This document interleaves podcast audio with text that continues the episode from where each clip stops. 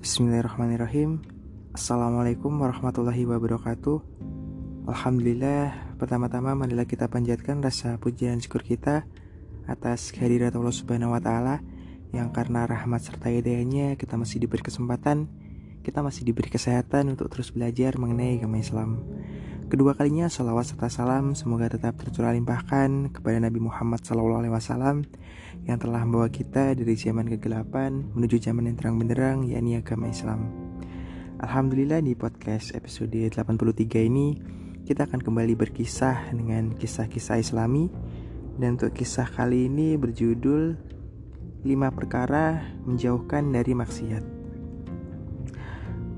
Dikisahkan Suatu hari, seorang laki-laki pergi menemui Ibrahim bin Adam. Ia seorang penyembuh penyakit hati. Laki-laki itu berkata, "Aku adalah orang yang berdosa. Sebutkanlah kepadaku apa yang dapat membuatku berhenti melakukan dosa."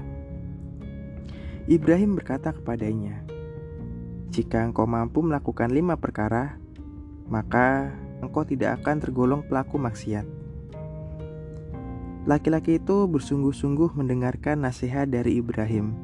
Ia berkata, "Sebutkanlah apa yang ingin kau katakan, wahai Ibrahim."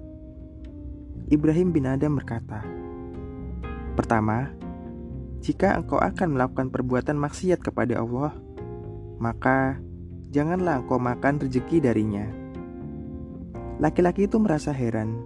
Ia bertanya, "Bagaimana mungkin?"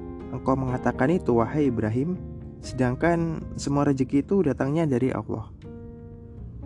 Ibrahim berkata, "Jika engkau mengetahui itu, apakah layak bagimu memakan rezekinya, kemudian engkau melakukan perbuatan maksiat kepadanya?"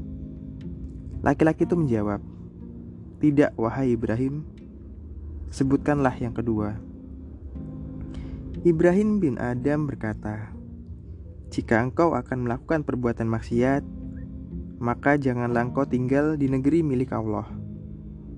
Laki-laki itu lebih heran daripada keheranannya yang pertama.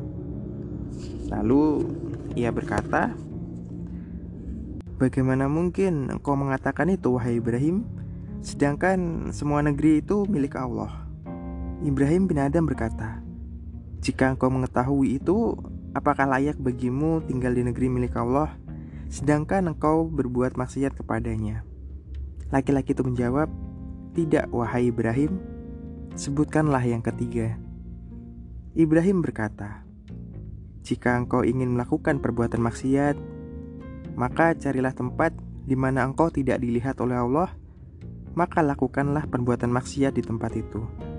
Laki-laki itu berkata, "Bagaimana mungkin engkau mengatakan itu, wahai Ibrahim?" Allah adalah Maha Melihat dan mengetahui semua rahasia. Dia mengetahui yang dinyatakan dan yang disembunyikan.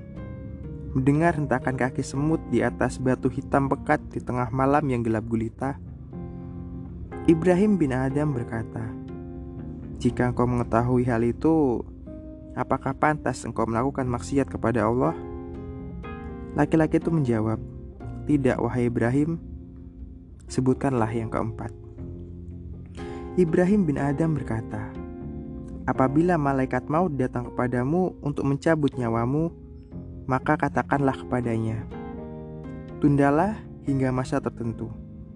Laki-laki itu berkata, Bagaimana mungkin engkau mengatakan demikian, wahai Ibrahim, sedangkan Allah telah berfirman, Maka apabila telah datang waktunya, mereka tidak dapat mengundurkannya barang sesaat pun dan tidak dapat pula memajukannya. Dalam Quran surat Al-A'raf ayat 34. Ibrahim bin Adam berkata kepadanya, "Jika engkau telah mengetahui hal itu, lantas bagaimana mungkin engkau masih mengharapkan keselamatan?" Laki-laki itu menjawab, "Iya, sebutkanlah yang kelima wahai Ibrahim." Ibrahim bin Adam berkata, jika malaikat Zabania, yakni para malaikat neraka jahanam, datang kepadamu untuk memasukkanmu ke dalam neraka, maka janganlah engkau pergi bersama mereka. Hampir saja laki-laki itu tidak mendengarkan yang syarat yang kelima. Ia berkata sambil menangis, "Cukup, wahai Ibrahim, Aku memohon ampun kepada Allah dan bertaubat kepadanya. Kemudian, laki-laki itu pun rajin beribadah hingga ia meninggal dunia. Wassalamualaikum warahmatullahi wabarakatuh.